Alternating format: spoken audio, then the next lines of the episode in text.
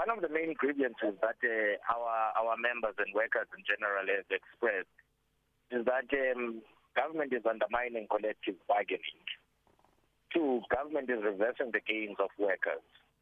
Three, government is implementing austerity measures which have uh, had a bearing um, on on on on the public service delivering uh, uh, uh, public service uh, such as education, health, and uh, and uh, uh, safety and security and policing. So that's what our members are raising. But in in, in the broad, uh, when you come to the collective bargaining issues, um, our members are dissatisfied with how government has unilaterally implemented a 3% hike last year that was rejected by majority unions at the PSCPC. Um, the government has not acceded to the demand that we placed of a 10% salary adjustment, uh, 2.5 uh, for housing allowance, and a bursary scheme for children of uh, public servants. That's broadly what um, has led to this uh, uh, strike that we are confronted with currently. So, Are you concerned at all that things could go exactly the way they went uh, the last time around regarding government unilaterally implementing a 3% wage increase? We don't know how much it might be, but are you concerned that that could happen again? Look, we, we, we, we are worried that the government has now um, um, set in a wrong precedent. That um, you disregard uh, uh, uh the PSCBC as a platform for negotiation. When you do not win uh, and uh, you do not find favor at the PSCBC, you then use uh, uh, such mechanism as unilaterally implementing an offer that has been rejected by by by public service. It's a worrying concern for us as trade unions. And that thing is actually uh, meant to erode the trade union movement and collective bargaining. And and we, we cannot just accept that. And, and, and, and, and it's worrying that a democratic government that has had fought for the laws, uh, especially in being side to side with workers, would go at such length uh, of undermining collective bargaining. And it's it's a worrying trend. But also, um, also the threat of uh, approaching court, um, uh, using courts to intimidate uh, workers when you have lost at, uh, at, at, at, at the bargaining council, uh, using uh, the courts to, to, to stifle workers. It's a worrying threat uh, for us as, as trade unions. Hence, we are saying we are not going to sit back. We are actually going to be fighting against what the government is actually doing uh, in undermining collective bargaining and the rights of workers. And it begins now with this strike. We are going to voice out uh, our dissatisfaction with how government has treated us. Uh, there are, of course, those who are of the view, Mr. Nkolonzi, that government cannot actually afford um, any um, uh, sort of increases that the union would be uh, demanding because uh, you obviously are not going to take the 3% that was uh, implemented last year. Uh, one would imagine that your demands would be higher. So there is a school of thought that says the public sector, government cannot actually afford this and it literally would collapse the sector. Look, that, that, that argument does not hold water. Um, it's not a valid argument as far as we are concerned. Public servants have not had any salary increment for the past three years. Um, and and and and and the, the the the demands that they placed are quite reasonable. I mean, if you are going to offer public servants three percent, which is way even below what the CPI is currently, how are these public servants meant to survive? Um, the cost of living has drastically gone up. Electricity is going up. Fuel has gone up. Uh, food has gone up. But to say that um, uh, and put blame on, on, on public servants, it's really unfair of government. By the way, um, so just to inform the public, government uh, has actually signed, uh, has actually passed that uh, uh, public office bearers should get uh, remunerated an increase of 3% uh, that is going to be backdated to two years ago. Now, if they themselves can give themselves a 3% hike, uh, that is going to be backdated. And all we are asking for is uh, is 10%.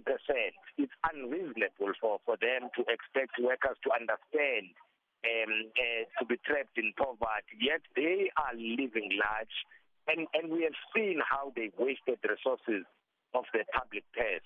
Uh, and, and, and we are saying, we have made proposals, by the way.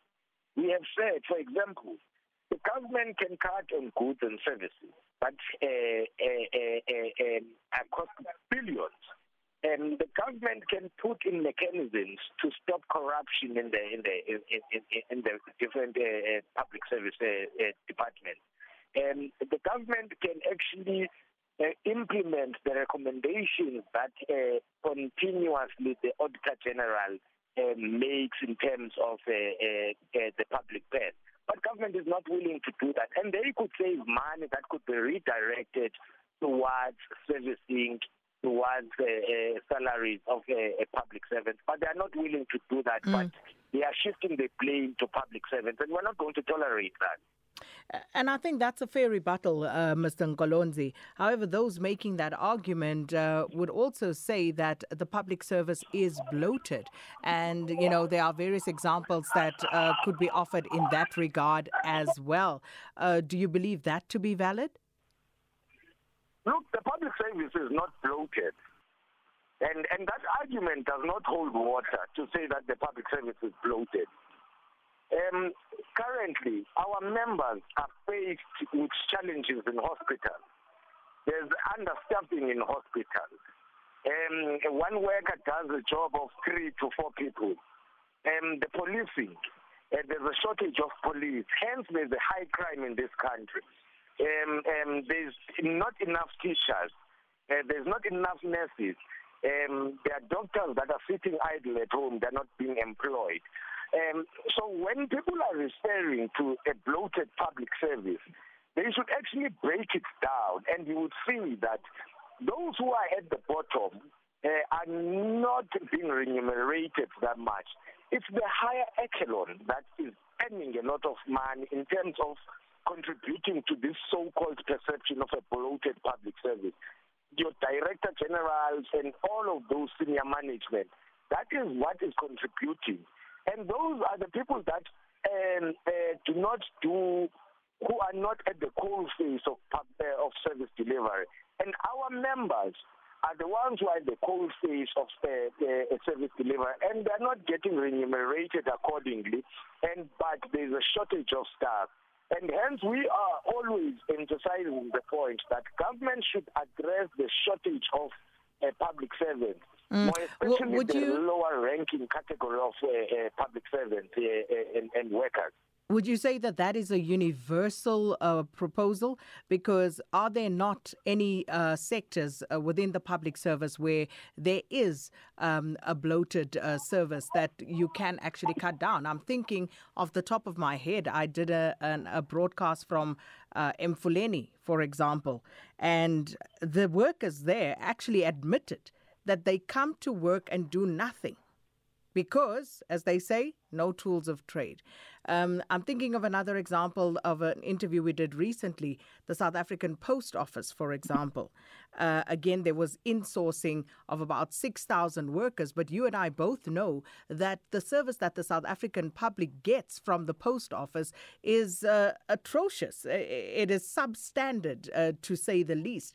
Uh, then you can go, you can actually go, and I take your point where you say it needs to be broken down when people make that argument of exactly where that may be.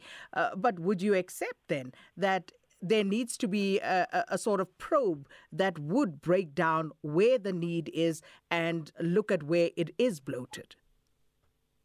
Look, look, we, we have we have made proposals to government and we have submitted and, and, and we have made research and we have submitted to government what we're talking about. But but also there's a challenge that uh, confronts us currently.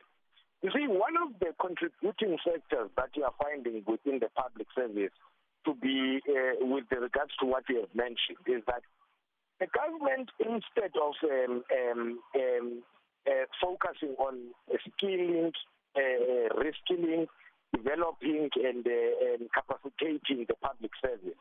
What it does, it outsources most uh, services.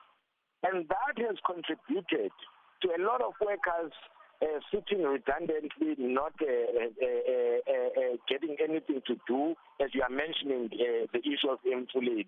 It's because the government has decided to outsource uh, uh, services, and that is a major challenge that we are uh, confronted with. That instead of the government addressing the issue of unemployment in this country, uh, address uh, uh, the issues that are confronting the public service in terms of its capacity, uh, they outsource services and and that actually cripples the capacity of the state to deliver services but most importantly it actually um, uh, due to this uh, huge uh, budget that is, is, is unexplainable because uh, there are some people who are actually using uh, uh, uh, these services that are outsourced to benefit. So, so it's it's, it's a myriad of issues that mm. are, are, is confronting the public service. It certainly but is. We are still adamant. Mr. Nkolonzi, we are out of time, but uh, you raised some valid points, and I think uh, they do beg further extrapolation, and maybe at a later stage we'll get into that. But thank you so much for speaking to us. A national spokesperson of uh, Nehao, uh, Lwazi Nkolonzi, there speaking to us.